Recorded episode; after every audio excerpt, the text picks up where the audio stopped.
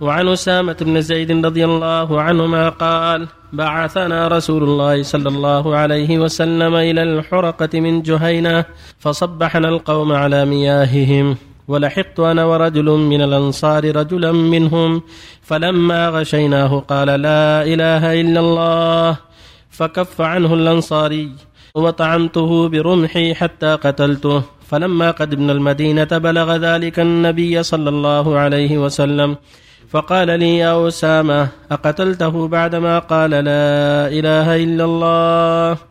قلت يا رسول الله إنما كان متعوذا. فقال أقتلته بعدما قال لا إله إلا الله فما زال يكررها علي حتى تمنيت أني لم أكن أسلمت قبل ذلك اليوم. متفق عليه. وفي رواية فقال رسول الله صلى الله عليه وسلم أقال لا إله إلا الله وقتلته. قلت يا رسول الله إنما قالها خوفا من السلاح. قال أفلا شققت عن قلبه حتى تعلم قالها أم لا؟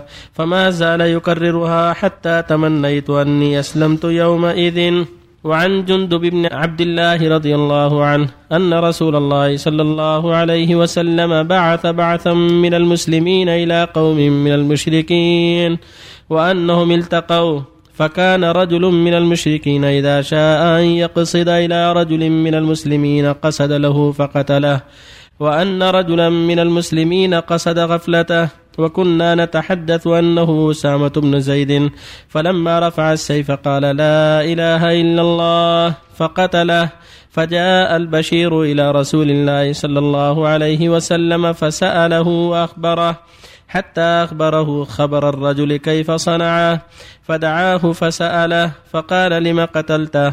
فقال يا رسول الله أوجع في المسلمين وقتل فلانا وفلانا وسمى له نفرا وإني حملت عليه. فلما رأى السيف قال لا إله إلا الله. قال رسول الله صلى الله عليه وسلم أقتلته؟ قال نعم. قال فكيف تصنع بلا إله إلا الله إذا جاءت يوم القيامة؟ قال يا رسول الله استغفر لي. قال وكيف تصنع بلا إله إلا الله إذا جاءت يوم القيامة؟ فجعل لا يزيد على أن يقول كيف تصنع بلا إله إلا الله إذا جاءت يوم القيامة. رواه مسلم. وعن عبد الله بن عتبة بن مسعود قال سمعت عمر بن الخطاب رضي الله عنه يقول إن ناسا كانوا يؤخذون بالوحي في عهد رسول الله صلى الله عليه وسلم وإن الوحي قد انقطع وإنما نأخذكم الآن بما ظهر لنا من أعمالكم فمن أظهر لنا خيرا أمناه وقربناه وليس لنا من سريرته شيء. الله يحاسبه في سريرته. ومن أظهر لنا سوءا لم نأمنه ولم نصدقه وإن قال. إن سريرته حسنة. رواه البخاري. بسم الله الرحمن الرحيم. الحمد لله وصلى الله وسلم على رسول الله وعلى آله وأصحابه من اهتدى بهدى أما بعد هذه الأحاديث حديثان مع أثر عمر. كلها تدل على وجوب الأخذ بالظواهر. وأما السرائر فإلى الله سبحانه وتعالى وتقدمت الأحاديث في هذا الباب. فالواجب على أهل الإيمان أن يتقوا الله وأن يراقبوا الله وأن يأخذوا الناس بما ظهر من أعمالهم. أما اتهامهم في سرائرهم وأخذهم بشيء لا يعلمونه هذا إلى الله عز وجل. الواجب العمل بظاهر الإنسان وما يدل عليه الشرع في حقه. أما باطنه وسريرته فإلى الله سبحانه وتعالى. ولهذا تقدم قوله صلى الله عليه وسلم أمرت أن أقاتل الناس حتى يشهدوا أن لا إله إلا الله وأن محمدا رسول الله. فإذا قالوها عصموا دماءهم وأموالهم إلا بحقه وفي اللفظ الآخر أمرت أن أقاتل الناس حتى يشهدوا أن لا إله إلا الله وأني رسول الله ويقيموا الصلاة ويؤتوا الزكاة. فإذا فعلوا ذلك عصموا مني دماءهم وأموالهم إلا بحق الإسلام وحسابهم على الله. والأحاديث في هذا المعنى كثيرة. وهكذا بطرقه. لما قتل بعض رجال الحرقة. والسبب في ذلك أنه أوجع في المسلمين ولحقه هو وبعض الأنصار فلما غشياه قال لا إله إلا الله فكف عنه أنصاري. وأما أسامة فطعنه برمحه حتى قتله. فلما رفع أمره إلى النبي صلى الله عليه وسلم عاتب أسامة في ذلك وقال أقتلته بعدما قال لا إله إلا الله فجعل يكررها عليه. ثم قال يا رسول إنما قالها تعودا لما رأى السلاح. قال هلا شققت عن قلبه حتى ترى ذلك؟ قال أسامة فما زال يغرر ذلك عليه حتى تمنيت أني أسلمت يومئذ والمقصود أن من ظاهره الكفر ثم أسلم يقبل إسلامه ويوكل أمره أمره سريرة إلى الله عز وجل. كما فعل صاحب أسامة وغيره. وهكذا ما قال عمر رضي الله عنه. كان الناس يؤخذون بالوحي على عهد النبي صلى الله عليه وسلم. وإن الوحي قد انقطع. يعني بموت النبي صلى الله عليه وسلم. وإنما نأخذكم الآن بما ظهر لنا من أعمالكم. فمن أظهر خيرا قربناه وأمناه. وليس لنا من سريرته شيء. الله الذي يحاسب على سريرته ومن أظهر شرا لم نقربه ولم نأمنه. وهذا هو الواجب. من أظهر الشر اتهم بالشر وظن به الشر ولم ينبغي الاعتماد عليه ولا تقريبه بل ينبغي زجره وابعاده وتذكيره ووعظه حتى يستقيم. وإقامة ما يستحق من تعجيل أو أو حدود. أما من أظهر الخير أنه يستحق التقريب وأن يؤمن وأن يوثق به وأن يشجع على ما ظهر من الخير. هذا هو الواجب على المسلمين بينهم. أما اتهام الناس في شرائرهم وإلغاء الحقائق لا. لكن من كان معروفا بالشرك وعبادة القبور ما ينفع قول لا إله إلا الله. إذا كان معروفا بالشرك والتعلق على الأموات والاستغاثة مثل مشرك اليوم عباد البدوي وعباد الحسين وعباد الجيلاني وعباد غيرهم وابي حنيف في العراق وفي مصر وفي الشام وفي غيرها وعباد بن عربي هؤلاء ما ينفعهم قول لا إله إلا الله. يجب أن يستتابوا مع القدرة فإن تابوا إلا قتلوا. وقولهم لا إله إلا الله وهم يعبدون غير الله ما ينفعهم. لأن هؤلاء ينقضونها قد نقضوها بشركهم وأعمالهم الخبيثة مثل المنافقين في عهد النبي يقول لا إله إلا الله وهم في الدرك الاسفل من النار ما تنفعهم. لانهم خالفوها وعاندوها. فهكذا عباد الأوثان عباد الأصنام عباد القبور هم كفار مشركون وإن قالوا لا إله إلا الله. كالمنافقين كفار مشركون وإن قالوا لا إله إلا الله. لأن قالوها باللسان ونقضوها بالفعال فلا تنفعهم. ولهذا يقول صلى الله عليه وسلم من قال لا إله إلا الله صدقا من قلبه. في اللفظ الآخر وكفر بما يعبد من دون الله. في اللفظ الآخر مستيقنا بها قلبه. أما أن يقولها وهو يعمل الشرك فلا تنفعه نسأل الله العافية.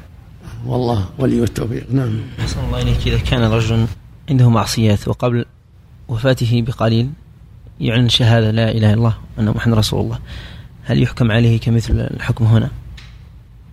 المعاصي لا لا يكفرها قول لا إله إلا الله ولا لا من يصلي. التوبة. ولا يصلي. لا من التوبة. لا إله إلا الله تكفر الشرك إذا صدق فيها. أما إذا أتى بالمعاصي لابد من توبة من المعاصي خاصة. وإذا أتى ما يوجب الحد يقام عليه الحد ولو قال لا إله إلا الله. النبي أقام الحدود على المسلمين وهم يقولون لا إله إلا الله. نعم. رجل عق عن أولاده بعيرا وهم أربع بنات وولد ذكر. هل يعيد مع المشقة عليه أو يكفي؟ نرجو أن يكفي إن شاء الله. أقول نرجو أن يكفي لأن البدن تجي عن سبعة لكن السنة يعق بالغنم أقول السنة يعق بالغنم كما بين النبي صلى الله عليه وسلم لكن إذا عق بالبقر أو بالابن نرجو أن يجزئه لأن الصحابة ذبحوا البدن عن سبعة والبقره عن سبعة. رضي الله عنهم في الهدايا وفي الضحايا. يعني تقاس العقيقة أو يقال مثل, مثل الحكم واحد. حكم إلا أن الأفضل الغنم. لأن الرسول أمر بالغنم. صلى الله عليه وسلم. مثل ما ضحى بالكبشين ومع هذا تجزي نعم. في البدنه نعم. رجل آخر عليه دين. هل له أن يسافر إلى الخارج لتعلم اللغة العربية إلى اللغة الأجنبية من أجل الدعوة إلى الله؟ أو يقال هذا بالمنع أو لا؟ من منع من عليه دين من الحج. كيف؟ رجل عليه دين. يريد أن يسافر إلى الخارج لتعلم اللغة من أجل الدعوة إلى الله. فهل يمنع؟ وهذا السفر يضر الداعين يعطل الأسباب ال- ما بس يعني إذا كان يضر الداعي لا يسافر يبدأ في الدين إن كان ما ما يضر الداعي ما عنده عمل ولا وجد عمل ولعله يتعلم هالشيء حتى يوظف ويوفي دينه وينفع المسلمين. أما إذا كان لا عنده عمل ويستطيع قضاء الدين ويصد ما يصلح لكن أحسن الله إليك منع من عليه دين من الحج؟ هل لأجل يعني يمنع من الخوف؟ يمنع من الحج إذا كان سفره يضر الداعين أما إذا كان ما يرد الديين بيسافر مع الناس النفقة على غيره. نعم؟ نعم. ما ما يمنع. لأن حجه لا يضرهم. نعم. صحيح الحديث أن عائشة رضي الله عنها أدنت وأقامت الصلاة. ما نعرف الحاصل. الصلاة. النساء ليس عليه أذان ولا إقامة. نعم. سلام الله عليك الشاة الصمعة هل تجزي في العقيقة؟ نعم. الصمع في العقيقة وفي الضحية جميع. والعقيقة أيضا؟ في الضحية والعقيقة نعم. أقول زي أهل مكة مثلا السفر قريب للحج. ولو عليه دين مثلا. فيه. يعني لا يحج؟ لا يبدأ بالدين. الواجب عليه يبدأ بالدين. إلا إذا كان أهل معروفين وسامحوه أو بيحج على حساب غيره ما يضرهم ما هم منفق شيء لا بأس. أقصد أن السفر من مكة إلى عرفة يعني قريبين. يعني الحج ما يكلف. المقصود إذا كان سفر لا يضر الدين ما في بأس. لكن قريب. قريب ولا بعيد؟ إذا كان ما يضرهم لا بأس. أي. يعني ليست العلة في السفر إنه يخشى عليه؟ إلا ضرر العلة إلا ضررهم لا السفر. النفقة اللي بيجعلها بالحج يعطيها الدين يعني ليست العلة في السفر مو بالعلة السفر العلة أن أنهم أولى بنفقة الحج. بس هذا نعم. أحسن الله يعني السلام عليكم شيخ رجل اعتاد الصيام الاثنين والخميس. فإذا دعي يوم الاثنين يعني وعده شخص قال له يوم الاثنين إن شاء الله تتغدى عندي. فالأفضل هل يقول أنا اعتدت الصيام لا لا يجب الدعوة ولا ولا يأكل. يفطر. يجب الدعوة ويتع- ويتعذر. ونفطر فلا بأس. النبي صلى الله عليه وسلم قال إذا دعي أحدكم فليجيب فإن كان صائما فليدعو وإن كان مفطرا فليطعم. إن فليدعو كان صائم يدعو لهم يقول سامحوني أنا صائم وجزاكم الله يروح لهم ويدعو لهم. وإن أفطر فلا بأس. مخير بين الاثنين؟ نعم مخير. وإن كان جبرهم بالفطر أفطر أفضل. يعني أحسن الله عملك يكون أمير نفسه أحسن الله عملك. إيه. لكن يجيبهم يروح لهم. أحسن الله يجيب ثم يعتذر. أحسن الله إيه. ولا يفطر ويأكل معهم. الأفضل يعتذر لهم. إذا كان يجبرهم بذلك ويرى أن من مصلحة في يفطره في إفطاره جبرا لخواطرهم أفطر. وإن كان ما يضرهم ولا يهمهم أفطر أو ما أفطر يتعذر. يسامحوني أنا صايم وجيت أجبت الدعوة وسامحوني أرجع. أحسن الله إليك. قد يرزق الرجل أربعة أولاد. هل يعق بشاة واحدة أم لابد يعدد؟ السنة شاتين عن كل واحد. عن كل واحد هذا السنة. لكن لو عجز وعق بواحدة البات يلحق إن شاء الله. يعق بواحدة إذا استطاعها ثم الثاني إن استطاعها ولا مو لازم. فاتقوا الله ما استطعتم